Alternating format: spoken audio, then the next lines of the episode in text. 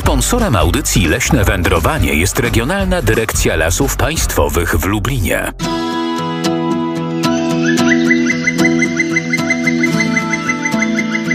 Leśne wędrowanie.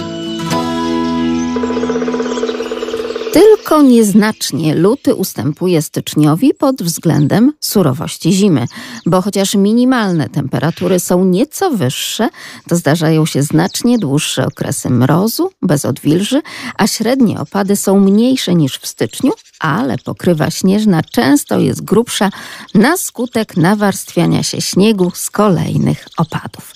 Drodzy Państwo, kalendarz leśnej przyrody, wydawnictwo lasów państwowych, ale uwaga, z początku lat dwutysięcznych, dlatego taka, a nie inna prognoza na luty. No i zgodzą się Państwo, że jednak nam dziś, zwłaszcza chyba bliżej do wiosny niż do zimy.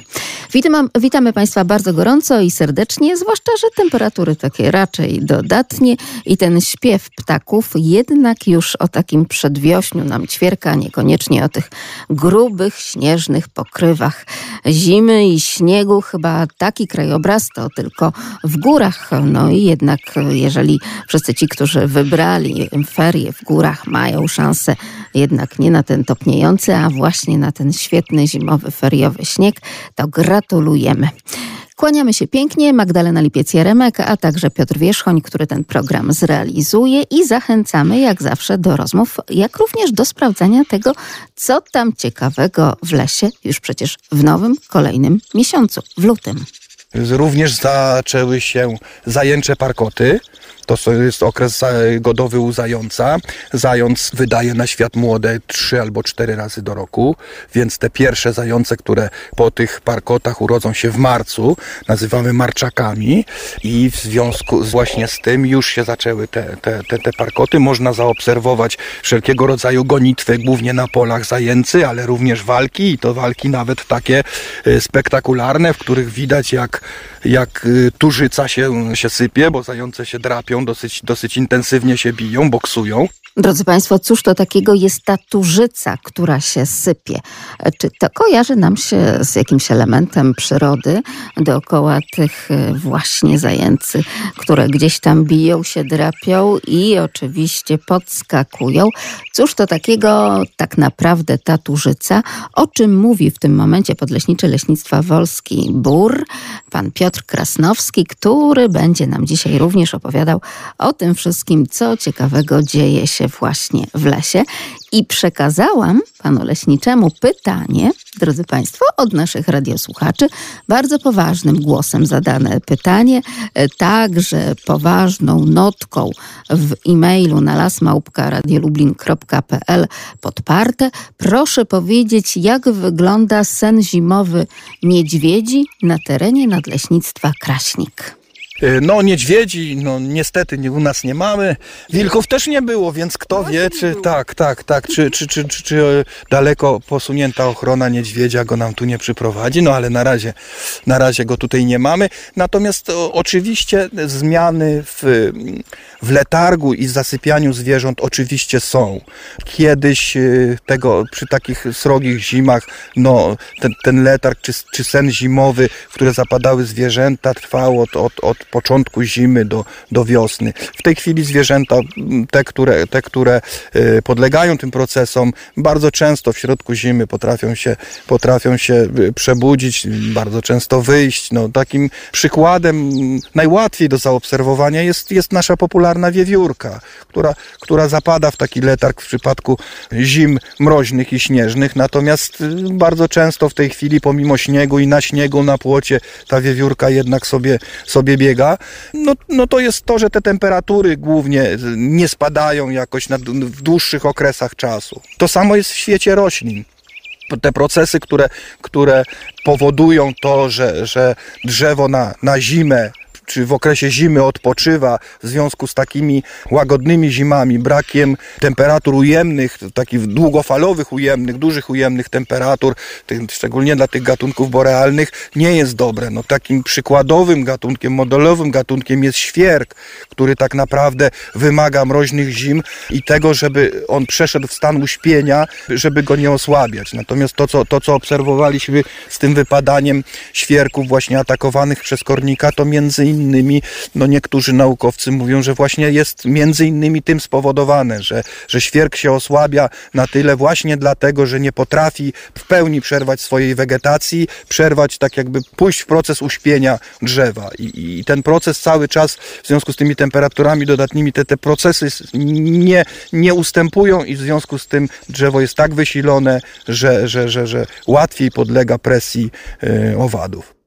I tak to, drodzy Państwo, wygląda. Więc kto wie, czy w niedługim czasie, za te kilka, kilkanaście lat, jednak nie będziemy już bez takiej nutki ironii mówić o tym, jak to wygląda, jeśli chodzi o kwestie na przykład właśnie niedźwiedzia w lasach kraśnickich i generalnie na terenie mm, całej Regionalnej Dyrekcji Lasów Państwowych w Lublinie, bo tak jak mówiliśmy Państwu, podobnie było z dzikiem, którego nie było, podobnie było z bobrem, którego nie było, podobnie było także z łosiem, którego też mamy teraz całkiem, całkiem sporo. Ale my powracamy, drodzy Państwo, do owej tużycy. Proszę się zastanowić, cóż to takiego może być, jeśli chodzi o takie typowe nazewnictwo w gwarze łowieckiej, ale też i generalnie w nazewnictwie biologów, leśników, tużyca u naszego zająca szaraka. Również zaczęły się zajęcze parkoty. To jest okres godowy u zająca. Zając wydaje na świat młode trzy albo cztery razy do roku, więc te pierwsze zające, które po tych parkotach urodzą się w marcu, nazywamy marczakami i w związku właśnie z tym już się zaczęły te, te, te, te parkoty. Można zaobserwować wszelkiego rodzaju gonitwy, głównie na polach zajęcy, ale również walki i to walki nawet takie e, spektakularne, w których widać jak, jak e, tużyca się, się sypie, bo zające się drapią dosyć, dosyć intensywnie się biją, boksują. W takim razie jeszcze na te marczaki do marca musimy poczekać, bo przecież dopiero pierwsza sobota lutego. Ale cóż to takiego jest Turzyca? Dzień dobry Pani Marianno. E, dzień dobry Panie redaktor, dzień dobry radiosłuchaczom. E, proszę Państwa, Turzyca to jest kożuch, to jest sierść okrywająca ciało zająca. Jak ładnie pani nazwała, że to kożuch, kożuszek, taki zimowy, taki prawda? kożuszek. Ubranko. Tak. E, Panie redaktor, jeżeli mogę jeszcze kilka zdań powiedzieć. Nawet trzeba. Co ja zaobserwowałam? Właśnie e, w minionym tygodniu już odzywają się puszczyki. Więc e, co wieczór i wczesnym, wczesnym jeszcze o zmierzchu, wczesnym rankiem już słyszę głosy samca e, tuszczyka, który to wydaje taki głos mm, bardzo taki właśnie donośny, w przeciwieństwie do samicy, która e, ma raczej ten głos e, znacznie prostszy. A samiec śpiewa z dwóch względów. Oznajmia innym samcom, że miejsce jest już zajęte i że on żadnego rywala nie ścierpi, bo wszelcy intruzi będą surowo karani. Zwołuje samicę, to jest drugi powód, dając jej znać, że znalazł odpowiednie miejsce, w którym można by założyć gniazda. Właśnie głosy ssówów brzmią zupełnie tak inaczej niż głosy ptaków dziennych. One mają w sobie coś przejmującego i tajemniczego. Więc moja e, przyjaciółka Ewa zapytała mnie, co to za stworzenie w nocy między 21 23 tak dziwnie huczy po lesie, tak jakoś takim o, napełniają lękiem.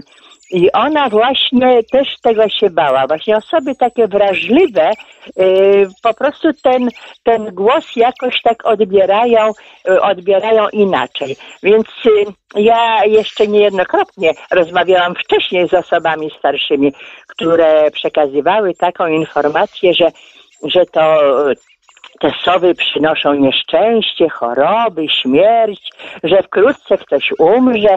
To też dawniej prześladowano te ptaki. No dzisiaj jest już inaczej, bo już i nauka poszła inaczej. Ale powiem jeszcze, to są takie dziwne zwierzęta, dziwne ptaki, które podczas polowania posługują się głównie słuchem. I zaraz tutaj powiem, bo właśnie mają na przedniej części głowy tak zwaną szlarę.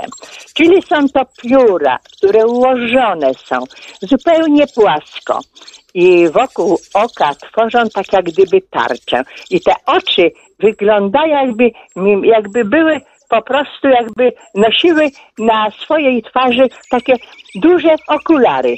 A u płomykówki to ta szlara jest w kształcie serca. To dziwne, że sowa może zmieniać kształt szlary i skutek tego zmienia kształt twarzy. A właśnie tu powiedziałam, że sowy podczas polowania posługują się głównie słuchem i szlara pełni rolę takiej anteny kierunkowej dla ich uszu, które ułożone są niesymetrycznie. Ucho prawe jest ułożone wyżej, ucho lewe niżej i te radary uszne znajdują się w tych uszach, w tych fałdach skórnych po bokach głowy. No i właśnie dlatego sowa tak często kręci głową, żeby ustalić kierunek pochodzenia tego dźwięku. I dlatego te, nawet te uszy ułożone są niesymetrycznie z tego względu, że właśnie chodzi o dźwięki, które dochodzą do każdego ucha i sowa wtedy dokładnie lokalizuje, właśnie dokładnie lokalizuje nawet miejsce, nawet najdrobniejszy szelest jakiegoś gryzonia. To są niezwykle ciekawe, ciekawe rzeczy. Pani redaktor, co w moich karmnikach? A więc y, jest już y, temperatura dodatnia, więc do karmiania już zrezygnowały. Na razie kosy, sujki, ludziki, kwiczoły, paszkoty, grubodzioby, pełzacze, dęcioły, ale nadal nie rezygnują sikory, sznadle, dzwońce, mazurki, wróble. Nadal je dokarmiam. A sierpówki? Sierpówki tokują. Tu jest taka gonitwa na podwórku, a potem, jak już one są tak na, nasycone właśnie tą swoją miłością i jedzeniem, pokarmem, one przesiadują. To znaczy ptaki nie siedzą, one po prostu stoją, bo to taka jest inna historia pobytu tych ptaków na gałęziach. One przebywają na gałęziach, przytulone do siebie, samczyk, samiczka, czyszczą sobie piórka, układają te piórka, no i widać, że są bardzo szczęśliwe. Ale jeszcze do, do, tutaj jeszcze odkryłam pewną ciekawostkę. Dzięcioł średni, który przylatuje do, korm, do karmnika i odlatuje na gałęzie drzew, on przebywa na gałęziach, przebywa na gałęzi e, wzdłuż, tak jak lelek. Nie w poprzek, jak inne dzięcioły, a zawsze przebywa wzdłuż gałęzi, podobnie jak lelki. Dziękuję bardzo. Dziękujemy bardzo. Pozdrawiamy serdecznie. Usłyszenia. Do usłyszenia jak zawsze i do zobaczenia podczas tych wszystkich leśnych pani wędrówek. Kłaniamy się pięknie pani Marianno. Notujemy te obserwacje ornitologiczne i jak tylko przyjdzie czas i pora, podpytamy oczywiście profesora Grzegorza Grzywaczewskiego o te wszystkie zagadnienia, być może jeszcze więcej ciekawostek nam przekaże. A proszę pamiętać, że w lutym zapasy owoców leśnych są już na wyczerpaniu. Zresztą nie tylko gdzieś tam na granicy pola i lasu, jak również i w naszych ogrodach, więc jeszcze pomimo tego, tak jak zaznaczyła pani Marianna, że są takie ptaki, które już w tym momencie tak delikatnie sobie rezygnują z tego podjadania, to my nie rezygnujmy z dokarmiania. A skoro była mowa o puchaczu i puszczyku, to wiemy, że w lutym właśnie rozpoczęły swoje gody. Samce puszczyka i puchacza bardzo intensywnie nawołują, zwłaszcza w takie bezchmurne, księżycowe noce, oznajmiają w ten sposób o zajęciu terytorium i gotowości do przystąpienia oczywiście do lęgów. To najlepszy czas, aby policzyć ich terytoria lęgowe, których zawzięcie bronią przed innymi konkurentami. Gdy dobiegnie je głos rywala lub naśladującego człowieka, zbliżają się do niego na taką niewielką odległość i wielokrotnie wydają głos zwany puchaniem lub huczeniem w celu przepłoszenia konkurenta, a puchanie puszczyka słychać nawet z kilkuset metrów i dlatego tak często właśnie do naszych ludzkich uszu ten dźwięk dociera. Również takie przenikliwe uchu, uchu puchacza niesie się bardzo daleko, a jego głos ostrzegawczy, przeraźliwy, diaboliczny chichot, zupełnie inny chichot niż dzięcioła zielonego, usłyszymy z bliska w środku nocy, oczywiście w lesie lub na bagnach i wtedy taki odgłos może zmrozić krew w żyłach. A skoro mowa o bagnach i mokradłach, to wczoraj, czyli 2 lutego, świętowaliśmy właśnie ich dzień. Oby tych bagien i mokradeł nam po prostu nie zabrakło. Powracamy do Turzycy turzyca się, czyli, czyli, czyli futro zajęcze się sypie, bo zające się drapią, dosyć, dosyć intensywnie się biją, boksują, także, także można to mm, zaobserwować, można poszukać, są filmiki w internecie, kiedy niektórym udało się nagrać właśnie takie, takie walki na zajęcy w, w okresie parkotów. W takim razie już wiemy, że turzyca to właśnie ta sierść i drodzy Państwo, nawet jeżeli ona się sypie, rozsypuje i gdzieś tam widzimy kłębki właśnie tej turzycy, czyli tej sierści zająca szaraka, to nie są to śmieci w lesie. Ale niestety te ludzkie, komercyjne bardzo śmieci w lasach są. I muszę Państwu powiedzieć, że tak jak y, wielokrotnie w ciągu ostatnich minionych lat odwiedzam mm, całość nadleśnictwa Kraśnik, ale także leśnictwo Wolski Bór, jedno z naszych ulubionych leśnictw, to muszę Państwu powiedzieć, że takiej sterty śmieci, jak teraz, jeszcze w końcówce stycznia, w tym nowym 2024 roku, naprawdę już dawno nie widziałam. Ale okazuje się, że boli to nie tylko mnie, wizytującą z mikrofonem lasy, ale także tych, którzy mieszkają tam w pobliżu. I okazuje się, jak podkreśla pan podleśniczy Leśnictwa Wolski Bór, pan Piotr Krasnowski, że jest taka mieszkanka, która przyczepiła, drodzy Państwo, tekturową tabliczkę. Tak od razu zapytałam o tę tabliczkę, no bo zobaczyłam, że nie jest to ani kolor biało-zielony, nie ma loga lasów państwowych. Sznurkiem wokół pnia sosny przyczepiona taka tablica, na co, po co, a napis oczywiście, proszę tutaj nie wyrzucać śmieci, nie śmiecimy i tego typu hasła.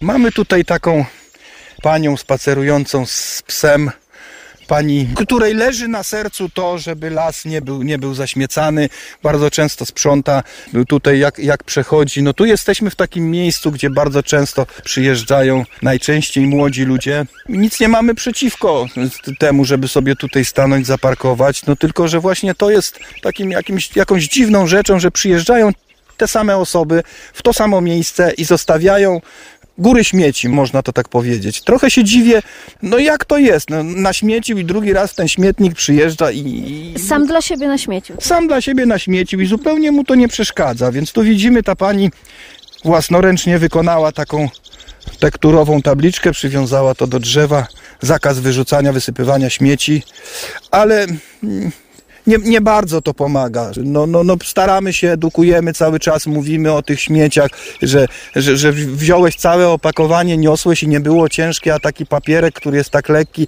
nie można włożyć do kieszeni, włożyć do, do, do schowka w samochodzie, nawet położyć na podłodze w samochodzie i po prostu w domu wyrzucić do, do śmieci.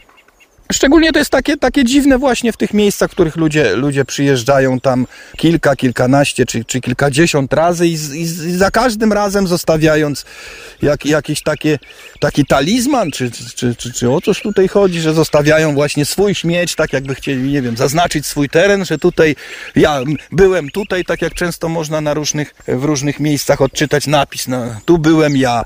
Także, także nie wiem, może to ma na celu, ale no bardzo, bardzo, to, bardzo to wygląda źle lesie. No uważam, że, że nie powinno tak być. Oczywiście generuje ogromne koszty. Ta przeciętnemu człowiekowi wydaje się, że tam jeden papierek, jedna butelka to... O, puszka. Właśnie, właśnie. Tutaj mamy puszkę, tu mamy butelkę, tam mamy papier i jeśli to przemnożymy przez, przez powierzchnię lasów, które mamy na, w naszym nadleśnictwie, czy w ogóle w całej Polsce, to robią się tony tych śmieci, robią się to naprawdę poważne pieniądze, które lasy państwowe inwestują w to, żeby ten, żebyśmy mieli możliwość obcowania z tym czystym, y, czystym lasem. Dlatego apel taki, że, że skoro przyniosłem pełną puszkę, tak jak tu widzimy, leży puszka, na pewno ktoś przyniósł ją pełną, nikt nie przyniósł jej tu pustą i, i wypił zawartość, to można tą puszkę zgnieść, włożyć do kieszeni. No Nie tylko można, tylko na, należy to zrobić. Wziąć do kieszeni i, i zabrać po prostu ze sobą. Drodzy Państwo, czegoż tam nie było. Oczywiście różnego rodzaju opakowania po chipsach, ale też i zdrowe, wieloowocowe i wielowarzywne soczki ktoś spożywał. Właśnie na skraju leśnictwa Wolski Bór, w tym miejscu, gdzie jedna z mieszkanek spacerująca z psem, jak Państwo słyszeli, przyczepiła taką tekturową informację, że to nie jest miejsce na śmieci, na składowanie i na wyrzucanie. No coś zupełnie niesamowitego. A chciałam zapytać, jakie są Państwa refleksje z wędrówek po lasach? Czy rzeczywiście w ostatnich latach y, gdzieś coś zaszwankowało w tym odbiorze ekologicznym, a przecież tak dużo o tej ekologii się mówi? I proszę Państwa, jak to się dzieje, że jednak ten bardzo ekologiczny turysta, również ekologiczny sportowiec, bo znamy takie szlaki, na przykład rowerowe czy rolkowe, y, tam gdzie bardzo chętnie y, wędrują i jeżdżą ekologiczni sportowcy na ekologicznych pojazdach, czy też biegacze i po prostu widać, że z jednej i z drugiej strony na przykład izotoniki e, tak, dla sportowców tak dobre w czasie treningu są wyrzucane na lewo i na prawo właśnie gdzieś tam w runo leśne. Jakie są Państwa obserwacje, jak to wygląda i wydaje się, że znowu musimy powracać do tego tematu piętnowania za takie właśnie zachowania. Robiliśmy to 20, 20 kilka lat temu na antenie podczas audycji Leśne Wędrowanie. 801 50 10 22, także 81 743 7383.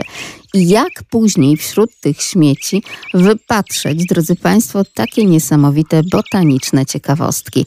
Bo to nie tylko niedźwiedzie nie zasnęły w tym roku na terenie Nadleśnictwa Kraśnik, ale również okazuje się, że takie anomalie e, także między innymi wśród roślin można było zaobserwować.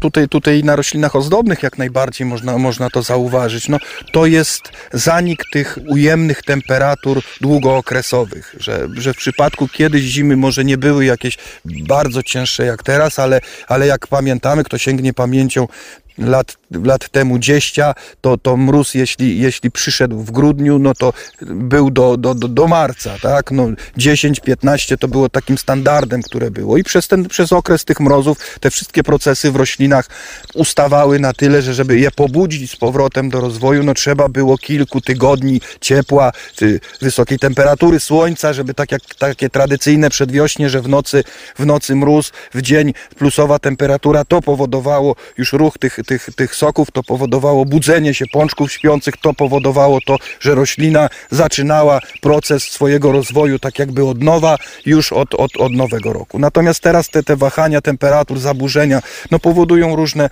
różne właśnie takie dziwne zjawiska, że czasami na jesieni raptem mamy jakieś kwiaty, które tak naprawdę kwitły tylko wiosną.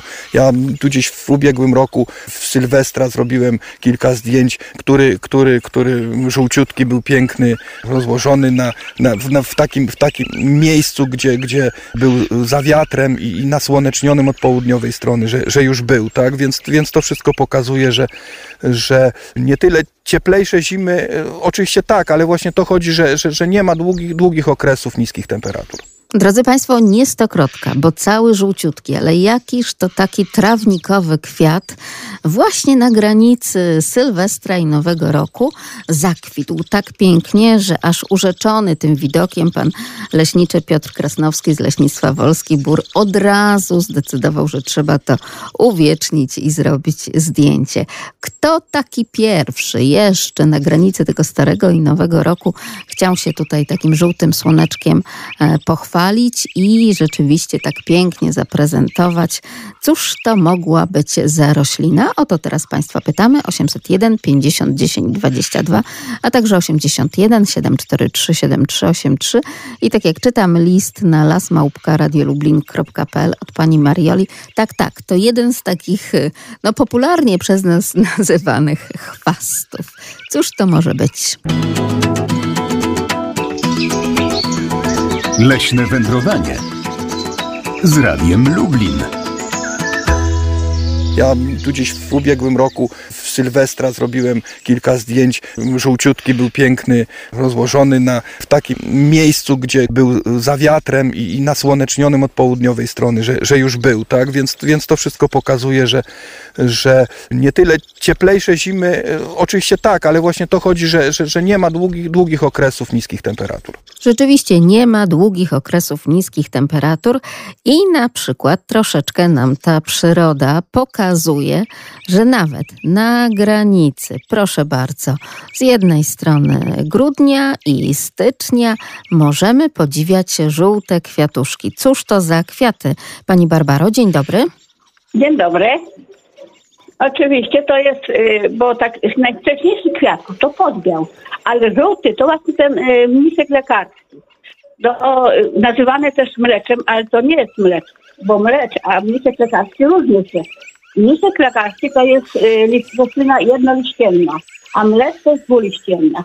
No takie łodyby wypuszcza te boczne liście i tam na końcu ten kwiatek.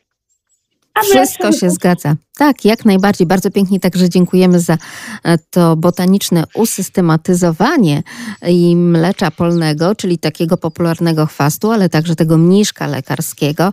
I bardzo słuszna była pani ta pierwsza myśl, że być może podbiał, tak? Bo on jest jednym z takich pierwszych zwiastunów wiosny, prawda? Ale tutaj okazuje się, że jeżeli było tak dogodne miejsce, które opisywał pan Piotr Krasnowski, no to nawet i właśnie ten nazywany przez nas tak ogólnie, bo jednak tak po prostu wszyscy mówią, no to mlecz tutaj taki żółty sobie zakwitł, prawda? Więc takie rzeczy też e, się mogą zdarzyć. A pani zaobserwowała na przykład wokół siebie czy w ogrodzie takie anomalie pogodowe? No to znaczy nie, ale mlecz, znaczy ten mniszek lekarski to raczej później kwitnie. Ale podbiał to owszem, podbiała spot- spotykam. Tak jest. Y, Na przykład kiedyś zawsze takim wyznacznikiem początku wiosny był kwitnący wawrzynek wilczołyko, prawda? A teraz okazuje się, że on i w grudniu sobie kwitnie po południu, prawda? Więc rzeczywiście troszkę się pozmienia. wcześnie, faktycznie, tylko to y, słonko jest trochę y, w marcu, w marcu zauważyłam, w marcu, na takim południowym no, skłonie zbocza, nie? No to już pierwszy taki nieśmiały kwiatuszek, ten żółty wychodzi. To, To tak prawda. To prawda. A jak tam pogoda u pani, pani Barbaro? Oj, taka mokro, e, siąpi, siwo na dworze, no nie bardzo ten luty. Tak, tak.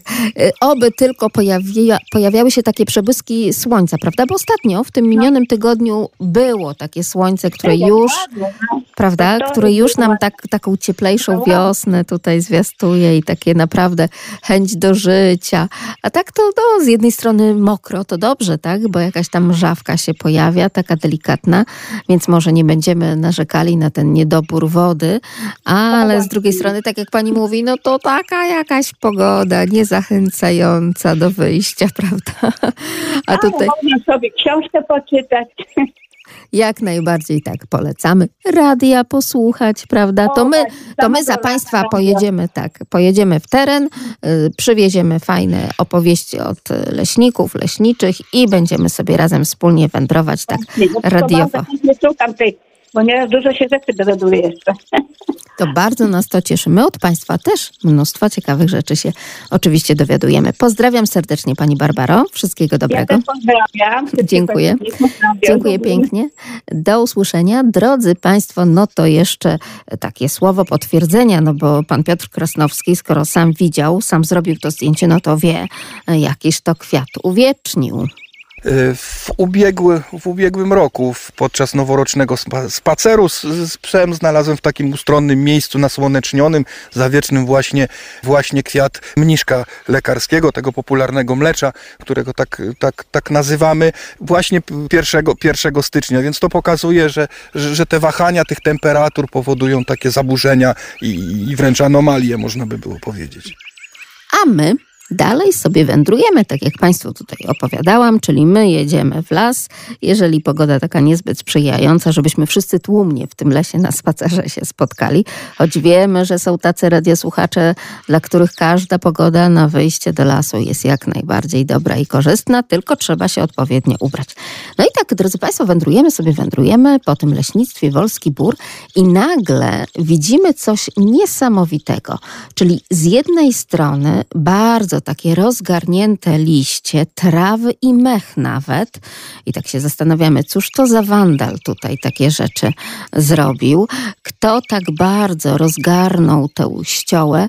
No, gdyby był śnieg, to z pewnością ten śnieg byłby też wytopiony, ale że śniegu już nie ma, no to tego wytopienia także nie ma. Kto tutaj leżał? Kto tutaj tak nagrzebał? No, tak jak tutaj widać, jeszcze jest ukryty taki mały, mały trop. Oczywiście nagrzebała to sarna. Pytanie dlaczego? Dlaczego sarna wygrzebała tak bardzo liście, trawy i mech i powstało nam takie jakby, no kółeczko, może bardziej takie owalne kółeczko powiedzmy. Cóż to było za miejsce, czemu to miało służyć i dlaczego taki wandalizm, proszę bardzo, w ściółce tutaj powstał? 801 50 10 22. No, tak jak tutaj widać, jeszcze jest ukryty taki mały, mały trop. Oczywiście nagrzebała to sarna. Pytanie dlaczego? Sponsorem audycji Leśne Wędrowanie jest Regionalna Dyrekcja Lasów Państwowych w Lublinie.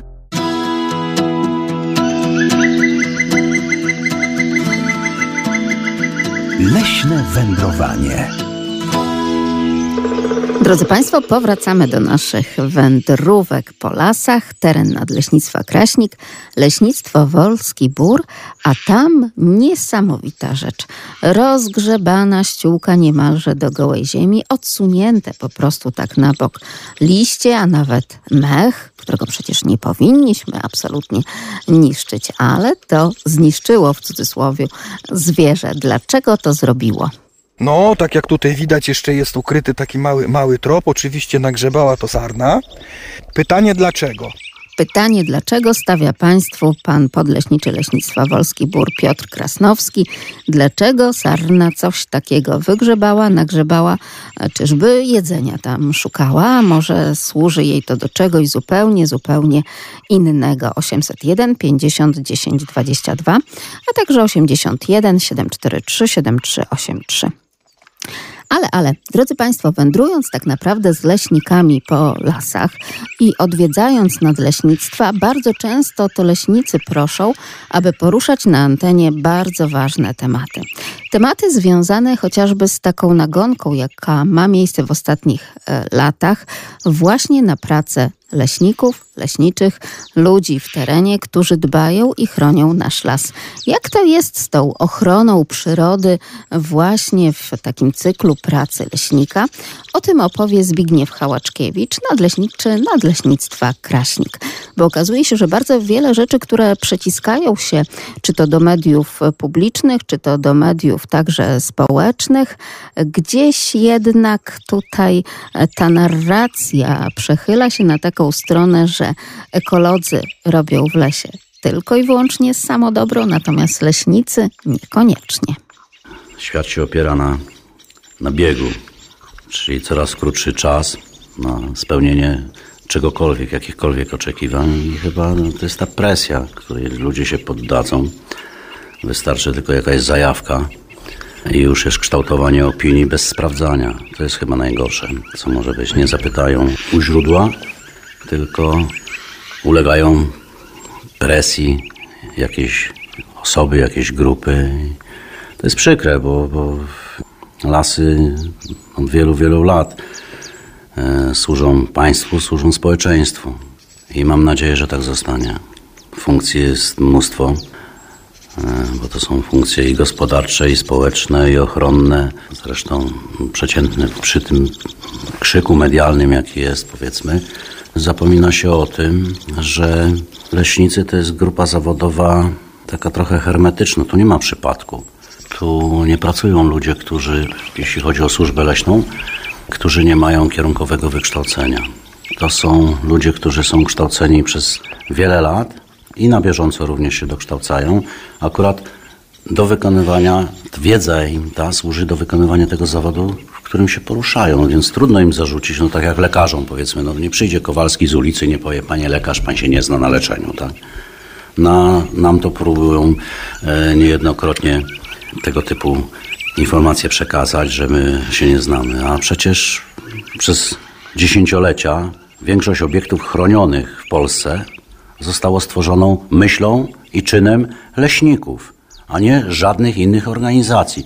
Nawet śmiem twierdzić, że w tych organizacjach, powiedzmy różnego rodzaju ekologicznych, mniej lub bardziej wywierających presję, jest też sporo leśników. Powstawały komitety jakieś obywatelskie, tak? zawsze były jakieś tam wnioski, ja nie neguję że tego, że najpiękniejsze tereny pod kątem czy to krajobrazu, czy właściwości należy chronić. Oczywiście, że tak. I to naprawdę mnóstwo serca, pracy, trudu włożonych przez leśników w tworzenie takich obiektów. Czy to były parki narodowe, czy to przede wszystkim mnóstwo, mnóstwo rezerwatów, również i parków krajobrazowych. Pewnie mają rację ci, którzy mówią, że można byłoby jeszcze coś utworzyć, tak?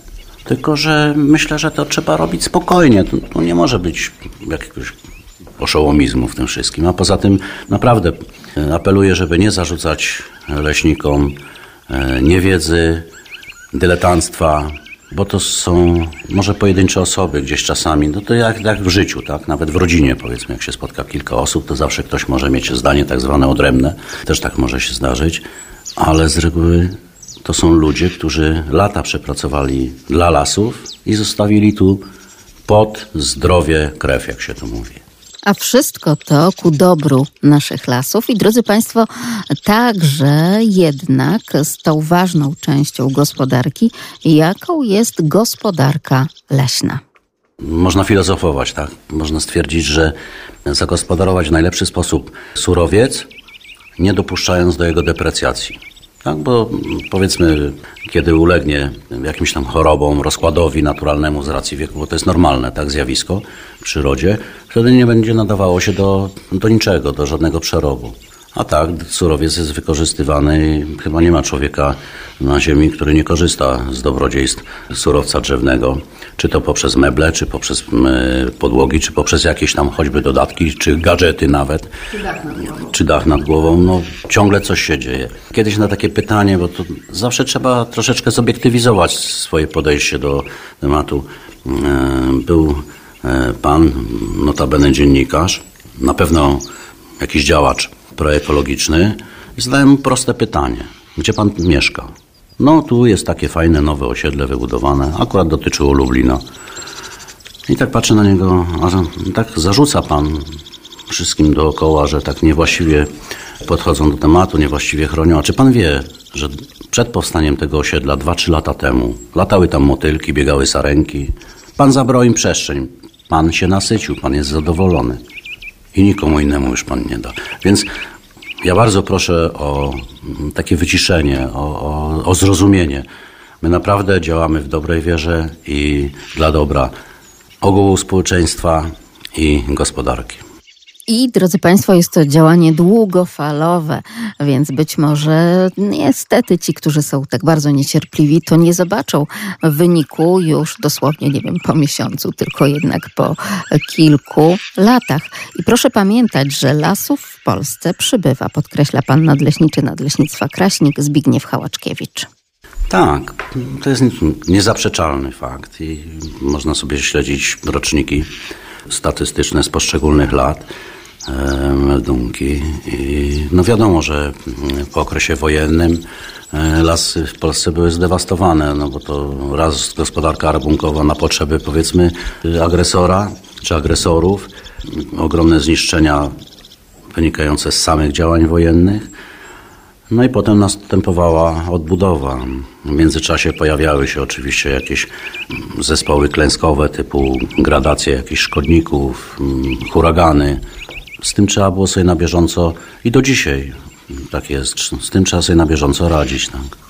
Będziemy także te statystyki Państwu przytaczać w kolejnych audycjach w cyklu Leśne Wędrowanie i będziemy także sprawdzać, jak to wyglądało dawniej i jak wygląda teraz, jeśli chodzi o lesistość Polski, jak również i Europy, bo takie porównania też mogą być dla nas bardzo cenne, drodzy Państwo. Za chwileczkę powrócimy na nasze leśne wędrowanie już po ścieżkach i oczywiście różnego rodzaju szlakach na terenie Nadleśnictwa Kraśnik ale nie tylko. Leśne wędrowanie z Radiem Lublin. No, tak jak tutaj widać, jeszcze jest ukryty taki mały, mały trop. Oczywiście nagrzebała to sarna. Pytanie dlaczego? Jeśli właśnie w zaciszu lasu natrafimy na takie miejsce ze starannie rozgarniętymi liśćmi, trawami, mchem, to najprawdopodobniej trafiliśmy na legowisko sarny i najczęściej w tym miejscu zostaje ciemniejsza plama w poszyciu. Pisze pani Barbara na lasmałpka.radiolublin.pl Możemy również e, spotkać taki barbuk założony przez dziki, jednak jest on wtedy znacznie większy i widać, że w tym miejscu zalegało po prostu kilka zwierząt. A jeśli chodzi o te sarnie legowiska, to one są takie pojedyncze, ale często jest też skupisko kilku, e, choć w takiej no, lekkiej odległości, powiedzmy na kilka ludzkich kroków.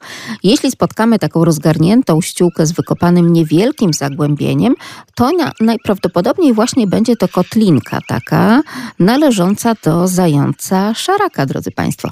Ale my na naszym szlaku leśnym napotkaliśmy wraz z panem podleśniczym Piotrem Krasnowskim właśnie sarnie legowisko.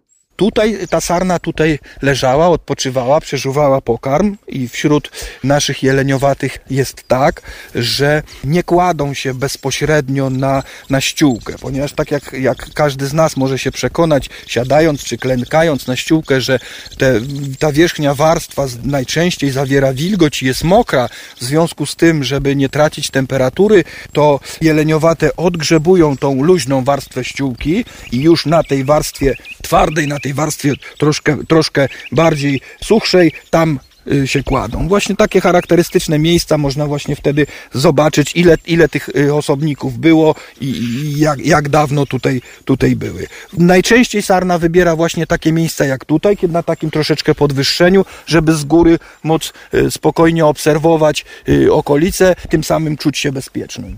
Jest, jest, to, jest to prawdopodobnie z nocy, czy, czy, nawet, czy nawet z rana taki, takie właśnie miejsce, w którym, w którym, y, w którym leżała.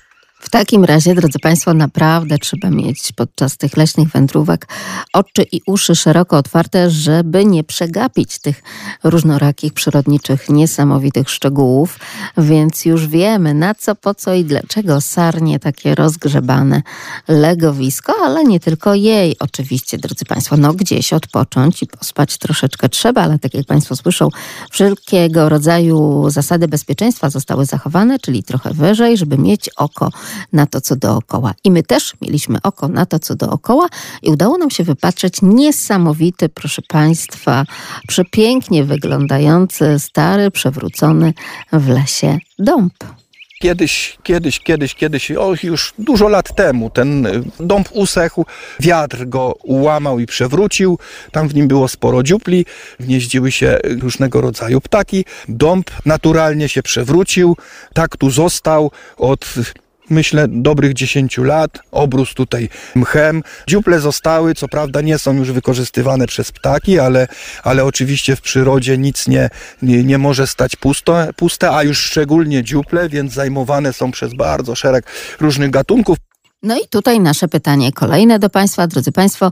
Kto w takim razie w tym przewróconym dębie korzysta z owych dziupli, ale też i zagłębień, i norek, i z tego wszystkiego, co jest gdzieś tam dookoła tego potężnego, leżącego już drzewa tak naprawdę. 801 50 10 22, a także 81 743 7383, bo wiadomo, że wtedy, kiedy to drzewo rosło i wtedy te dziuple były w pionie, nie w poziomie, no to jak najbardziej ptactwo. A teraz kto może zaglądać do takiej dziupli, kto tam może znaleźć schronienie? Lasmałpka radiolublin.pl Bo dąb naprawdę jest imponujący, nawet kiedy już leży. Dom był dosyć gruby, ma, ma głębokie bruzdy y, w korowinie, więc tam y, zatrzymuje się wilgoć zarówno z opadów deszczu, jak i, jak i z rosy. I, i to powoduje, że y, jest, jest duża wilgotność, ale jednocześnie wiatr nawiewa tam odrobiny, y, odrobiny. Tak, wiatr nawiewa odrobiny ziemi. Nie wiem, bo, bo postaramy się, ale czy zobaczymy, trudno, trudno powiedzieć. No, na, pe- na pewno jest to taki, taka, można by powiedzieć, wyspa na, na tle całego tutaj drzewostanu, właśnie taki, taki zwalony, gruby, gruby dom. Ktoś, panie leśniczy, się zdrowo odżywia, Tak, bo y, od, marchewkowy kubuś, ale, ale y, z jednej strony zdrowo, bardzo, bardzo nas to cieszy, że się społeczeństwo zdrowo y, odżywia, a z drugiej strony martwi, że ktoś mający świadomość, że trzeba się odżywiać zdrowo, jednocześnie zostawia śmieci, zostawia taką butelkę tutaj, tutaj w lesie. Co my tu mamy, grzyba? Tak, tak, oczywiście.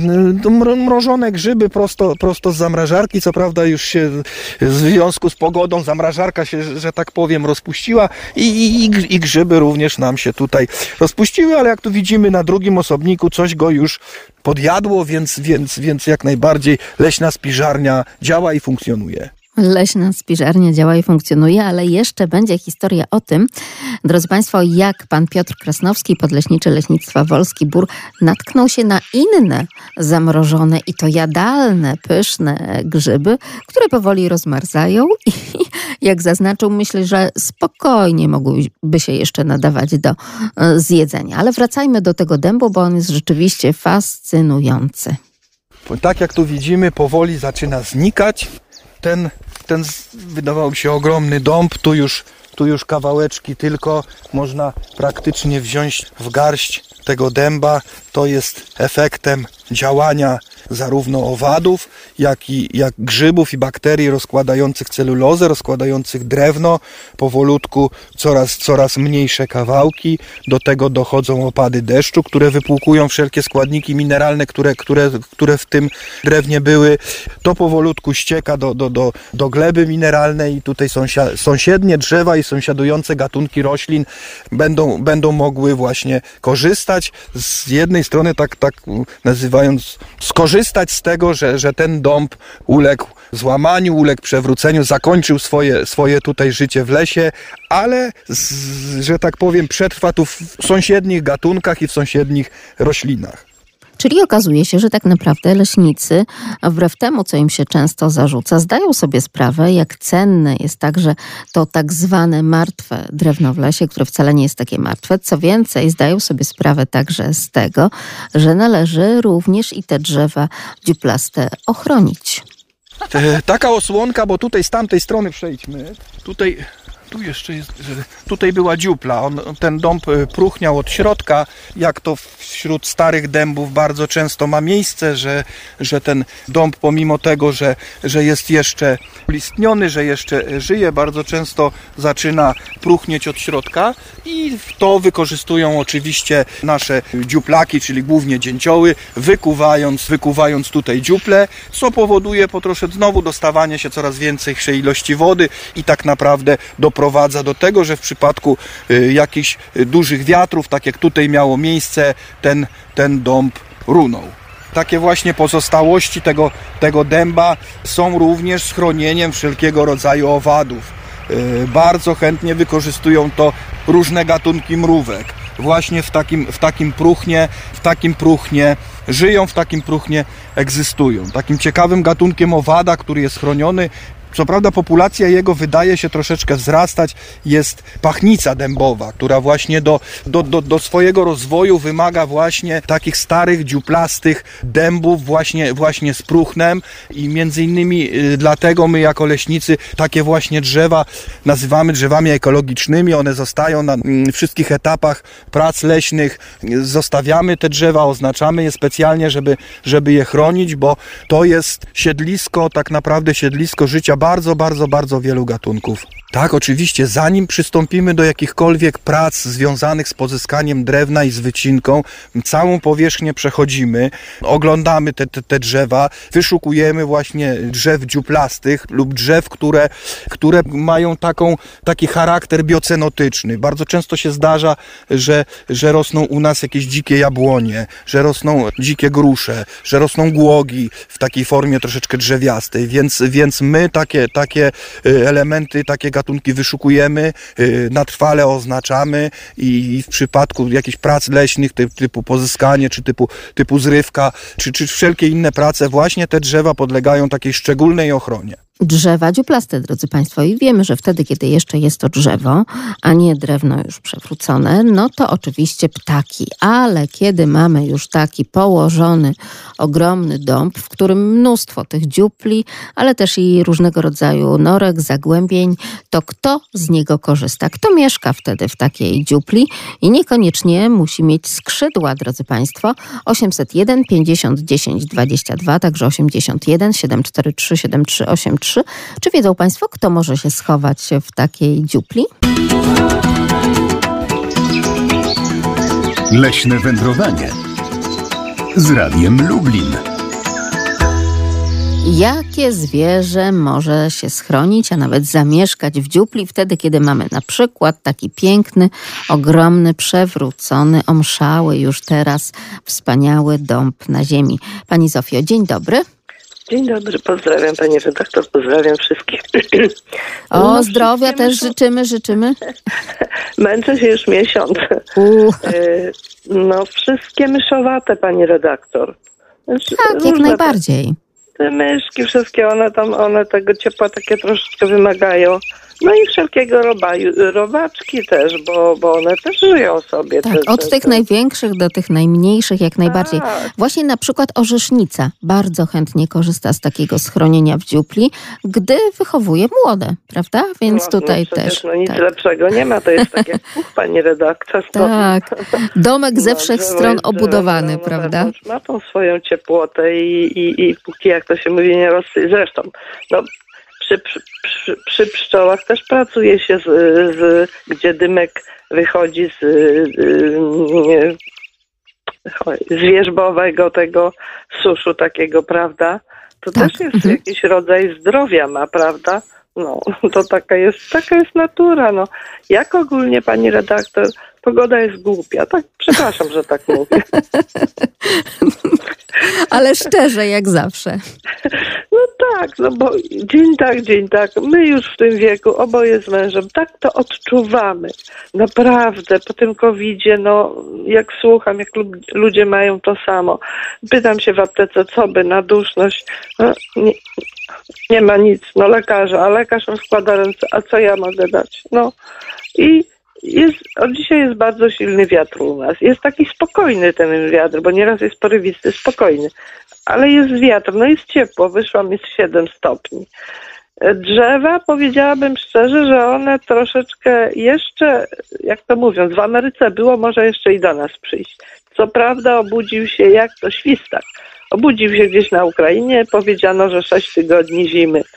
Ale, ale, w moim kalendarzu pisze, że ho, ho, ho, ho w tym roku, rok przestępny i jeszcze bardzo może zima wrócić w kwietniu, a jeszcze i w maju. Więc no, no nie wiem jak, ale tak, leszczyna na razie nie, nie puszcza tych. W zeszłym roku już co prawda o tę porę zaczynała kwitnąć, w tej chwili nie. Troszkę bez się pospieszył, parę tak, ale to przy mieszkaniu, parę e, takich tych kotków już ma, takich żywszych. Eee, Wawrzynek Wilczełko śpi. W tunelu mi wymarzło wszystko, co dziwne, bo mi się nigdy nie zdarzyło. To znaczy nie miałam tam dużo, troszkę sałatki, troszkę selera naciowego i to wszystko kitło. Mm, Na polach, jak tam, no nie, nie chodzę tak bardzo, tu u nas akurat rzepaków nie ma, ale jechałyśmy z mężem, rzepaki też zostały uszkodzone i to dość mocno. Przeczuwam, że był tutaj taki za dwa dni mrozu było, śnieg rozpuściło i ten mróz zrobił swoje, ale już poszłam po ogródku swoim, był taki piękny poniedziałek, wtorek, no nie, no wytoczyłam się, panie redaktor, słonko na mnie to działa jak, no nie wiem jak. Po sznureczku panią pociągnęło. Tak, pociągnęło. I kępeczka w zagłębieniu za kamieniem, bo ja trochę takich kamieni mam, y, y, już wyszły przebiśniegi. O. Krokusy jeszcze nie. No, także to ta wiosna gdzieś tam puka, gdzieś czeka. No, tak jak i człowiek, no to taka kolej rzeczy. Ale mówię, lepiej, żeby ten śnieg leżał, to, zresztą sama pani redaktor wie, to błoto to też jest takie, jakie jest. Nie wychodzę bardzo, bo się boję pośliznąć z kijem, no, czy tam z laską, także, no, jestem teraz taki świstak. Zdrowia w takim razie. Wyprowadziły, wyprowadziły się od nas ptaki, no bo mówię, no koty na balkonie dostają jeść, Mhm. więc y, ptaki są mądre i tutaj nie podchodzą, nie podfruwają, nie ma wiewiórki. No, jakoś tak wszystko się pochowało.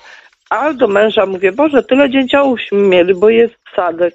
A on mówi, ty słuchaj, mało wychodzisz, ty wiesz, co się dzieje na Olszynach, bo całe Olszyny mamy, całe łąki zalane przez bobry i to wszystko usycha, upada. E, mówi, jaki tam jest y, dziób, dziób, dziób, dziób, dziób, dopiero tu, to, ale one jeszcze nie werblują. One po prostu się żywią tym robactwem w tych olszynach. Bo nie, bo pytam się tak, tak, nie, nie, nie, nie, jeszcze mówi nie czas, nie, nie, nie wołają dziewczyn. Będą się nawoływać, tak, czyli jest- musimy się trochę mm, jakby Tak. tutaj, no poczekać musimy. Grzyby jednak. ja się wstydziłam mówić, O. bo tu znajomy, znajomy y, synowi pokazywał dwie ubianek gąsek, tuż przed świętami jeszcze i parę kurek. O proszę. Tu znajom, tak, znajoma była i mówi, tak, były, ktoś tam zdjęcia robił, były jeszcze między świętami. No co prawda byliśmy na cmentarzu w kościele, ale mówię do męża, nie, słuchaj, ja już wystarczająco zmarzłam, już nie idziemy do lasu obejrzeć. Co mamy w spiżarni, to mamy, ale aż kusiło, pani redaktor. Przed No to zawsze, grzybobranie tak, zawsze przed, kusi. przed samymi śniegami mówię, myśmy znaleźli tu niedaleko kanie, i syn przywiózł całą skrzynkę. No kania bardzo szybko martwie, po lekkim przymrozku. Ale o tę porę to było dla mnie, no... No coś niesamowitego.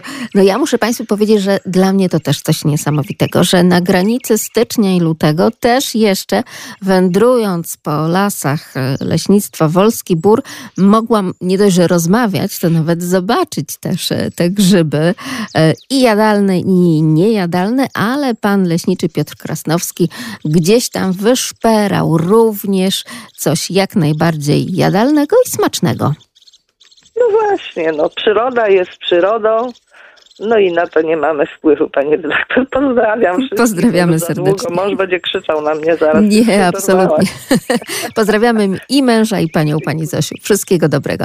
I powracamy do tego, co tam jeszcze można znaleźć, bo można coś całkiem konkretnego i tak jak pan podleśniczy Piotr Krasnowski powiedział, nawet jeszcze można nie tylko znaleźć, nacieszyć oko, zrobić zdjęcie, ale i zjeść. To tak y, bardzo ciekawie wygląda. Różnie ludzie porównują ten, ten gatunek. Niektórzy mówią na to kozia broda, niektórzy mówią na to rójka. To jest y, takie strzępki tego grzyba są takie, można by powiedzieć, mnie kojarzą się z wyglądem trochę takiego takiej właśnie zmiętej szmaty, czy zmiętej gazety w tej formie, takiej rzuconej gdzieś tam, takiej kuli, dokładnie tak, dokładnie tak. Jest to grzyb y, ściśle związany z y, sosną, więc w takich, w takich to miejscach, gdzie rośnie sosna, można, można go znaleźć. Jeszcze kilka lat temu był to gatunek chroniony, w tej chwili już nie jest chroniony, można go, można go zbierać, można go spożywać. Ja długo nie jadłem tego gatunku, ale, ale któregoś razu przyniosłem i, i, i- spróbowałem. Naprawdę smaczny. Dużo pracy wymaga oczyszczenie tego grzyba, bo w związku z tym, że jest tak zbudowany, a nie inaczej, pokręcony taki, rośnie bardzo często na piasku, więc tych, tych drobin, drobin ziarenek piasku jest dużo i, i, i naprawdę trzeba włożyć sporo serca i pracy do tego, żeby, żeby tego grzyba wymyć, wypłukać, ale e, polecam. Polecę oczywiście pan Piotr Krasnowski, bo smaczny, wyjątkowo smaczny.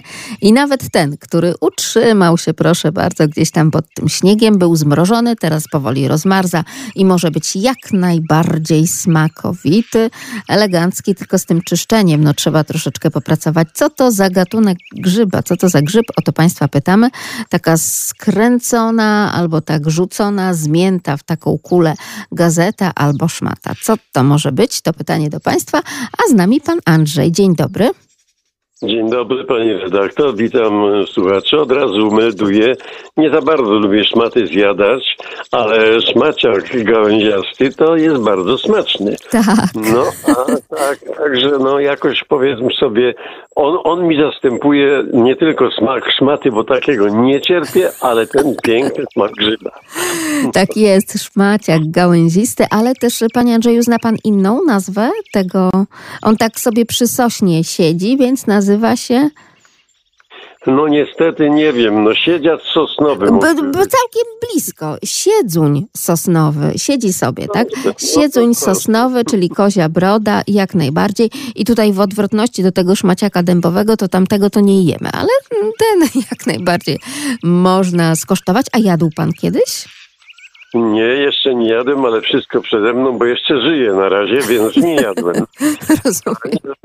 Ja spotkałem dziwną rzecz. O, Pełno grzybów o tej porze roku w lesie. no proszę. Niesamowita historia. Szliśmy i zaszliśmy sobie do za- zaprzyjaźnionego gajowego, a on pełne słoje suszonych grzybów ma. Tak. tak. Jeszcze w kuchni na honorowym miejscu, prawda? Tak, żeby ładnie to było widać i wtedy taką mamy od razu namiastkę tego lasu, ale też i apetyt lepszy. Oj tak, a on jeszcze tak spokojnie mówi, wiesz, to tylko część, bo część to w piwnicy trzymam. Tak, no, to sympatycznie, tak. Po koleżeńsku. Ale po koleżeńsku podzielił się, czy się nie podzielił? Yy, Pamiętam, tak, to nie mogę powiedzieć, bo to jest tajemnica, że tak Rozumiem. powiem, jak ja, udało mi się z tej piwnicy wyciągnąć co nieco tych grzybków, ale to tylko dzięki żonie Gajowego. Niech żyje żona Gajowego. O, Oj, długo, oj, długo. Tak jest, jak najbardziej. A co w pogodzie u pana? Yy, No to to raczej to, co wszędzie. Piękne kropelki deszczu, taki jakiś sieczny deszcz za okienkiem. Temperatura taka, że psa nie wygonisz, bo bardzo lubię psy.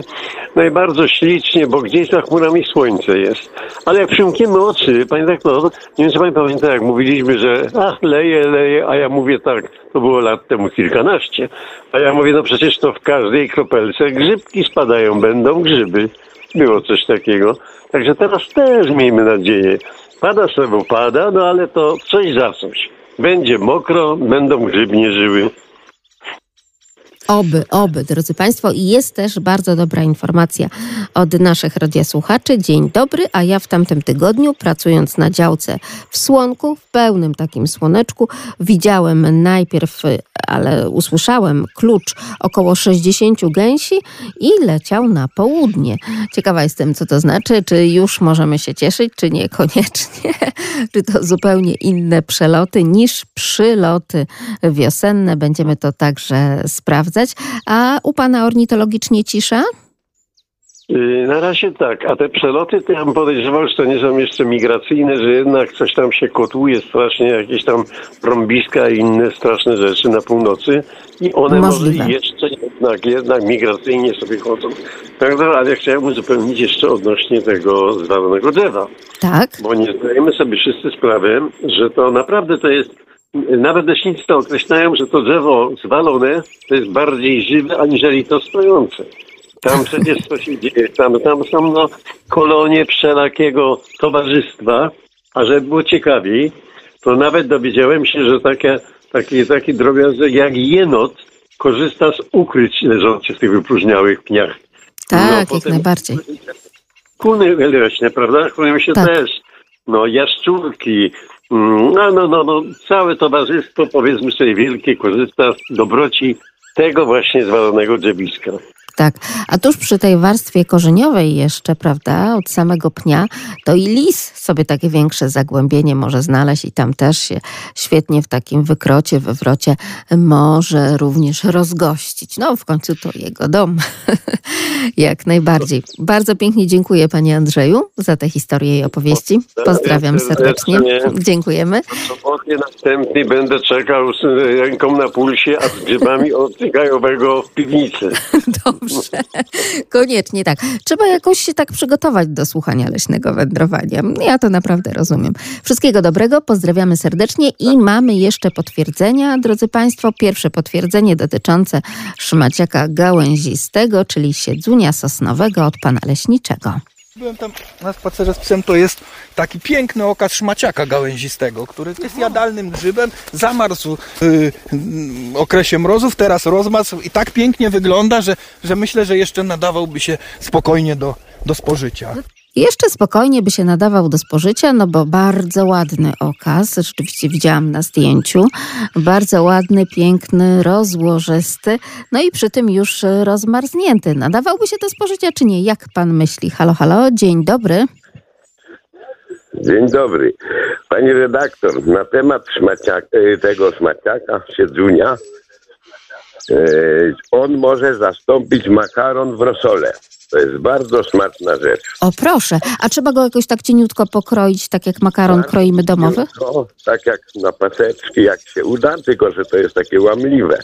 Ale to jest bardzo smaczne. Czy zupę jakąś, czy w rosole. Nawet może makaron zastąpić w rosole. Druga sprawa. Dwa dni temu kolega widział, żurawie już leciały na wschód. O proszę. To no, to jeszcze, to był, dzisiaj mamy już trzeci, e, to było jeszcze w styczniu. Ostatnie dni stycznia. Także to taka ciekawostka. No a pogoda jak pogoda wszędzie pada trochę. No. Także Och, nie podoba się tak w większości Państwu ta pogoda, ale proszę mi uwierzyć, że jak człowiek się przemoże i jednak wyjdzie na dwór, no to gdzieś nawet ten deszczyk taki, który kropił o wczesnym poranku w Lublinie, też delikatnie zaczyna pachnieć, proszę mi wierzyć, wiosną. I tak jak, i tak jak pan Andrzej powiedział, to każda kropla to jest grzyb, pani redaktor. I niech to będzie dobra dla nas prognoza, prawda? Dla nas wszystkich grzybiarzy. Bardzo pięknie dziękuję. Pozdrawiamy. Do usłyszenia. Dziękujemy pięknie. Powróćmy w takim razie do tego naszego zwalonego dębu, bo tam naprawdę całkiem sporo się dzieje i okazuje się, że można przy tym dębie spędzić mnóstwo czasu i nawet y, dwie albo trzy audycje w cyklu Leśne Wędrowanie przygotować właśnie na temat tego, cóż tam jest począwszy od, od, od myszy leśnej i, i różnego rodzaju y, gryzoni, skończywszy na wszelkiego rodzaju owadach, a jeśli ktoś by się tam mocno, mocno przyjrzał, pewnie, pewnie przez jakieś konkretne szkło, to pewnie zauważyłby bardzo duże ilości gatunków grzybów rozkładających martwe drewno. Są to gatunki, że tak powiem, błogosławieństwem dla lasu, ponieważ wszystko to, co spadnie, wszystko to, co się przewróci, wszystka ta materia zostaje przez te grzyby przerobiona na, na pierwiastki dostępne dla żywych drzew, to wszystko wnika w glebę i, i taki jest obrót materii właśnie tutaj w lesie, że to co, to, co żyło, to, co rosło, przewraca się, pada, ulega rozkładowi i za dziesiątki lat pewnie, te, pewnie ten dąb nam zniknie tutaj całkowicie rozłożony przez, przez grzyby i owady. Ale drodzy Państwo, pamięć o nim pozostanie, tak? No i to, że udało nam się go nie dość, że zarejestrować historię i opowieści o nim, no to jeszcze nawet sfotografować się. Jeśli chodzi o obejrzenie tych zdjęć tego niezwykłego dębu z leśnictwa Wolski Bór, to oczywiście odsyłam Państwa na nasze strony internetowe, jak również na Facebooka Leśnego Wędrowania. Za dziś pięknie dziękuję, kłaniam się, mówię do usłyszenia i do zobaczenia gdzieś tam w lesie, na tych leśnych, wyjątkowych ścieżkach. Magdalena Lipiec-Jaremek, do usłyszenia. Sponsorem audycji Leśne Wędrowanie jest Regionalna Dyrekcja Lasów Państwowych w Lublinie.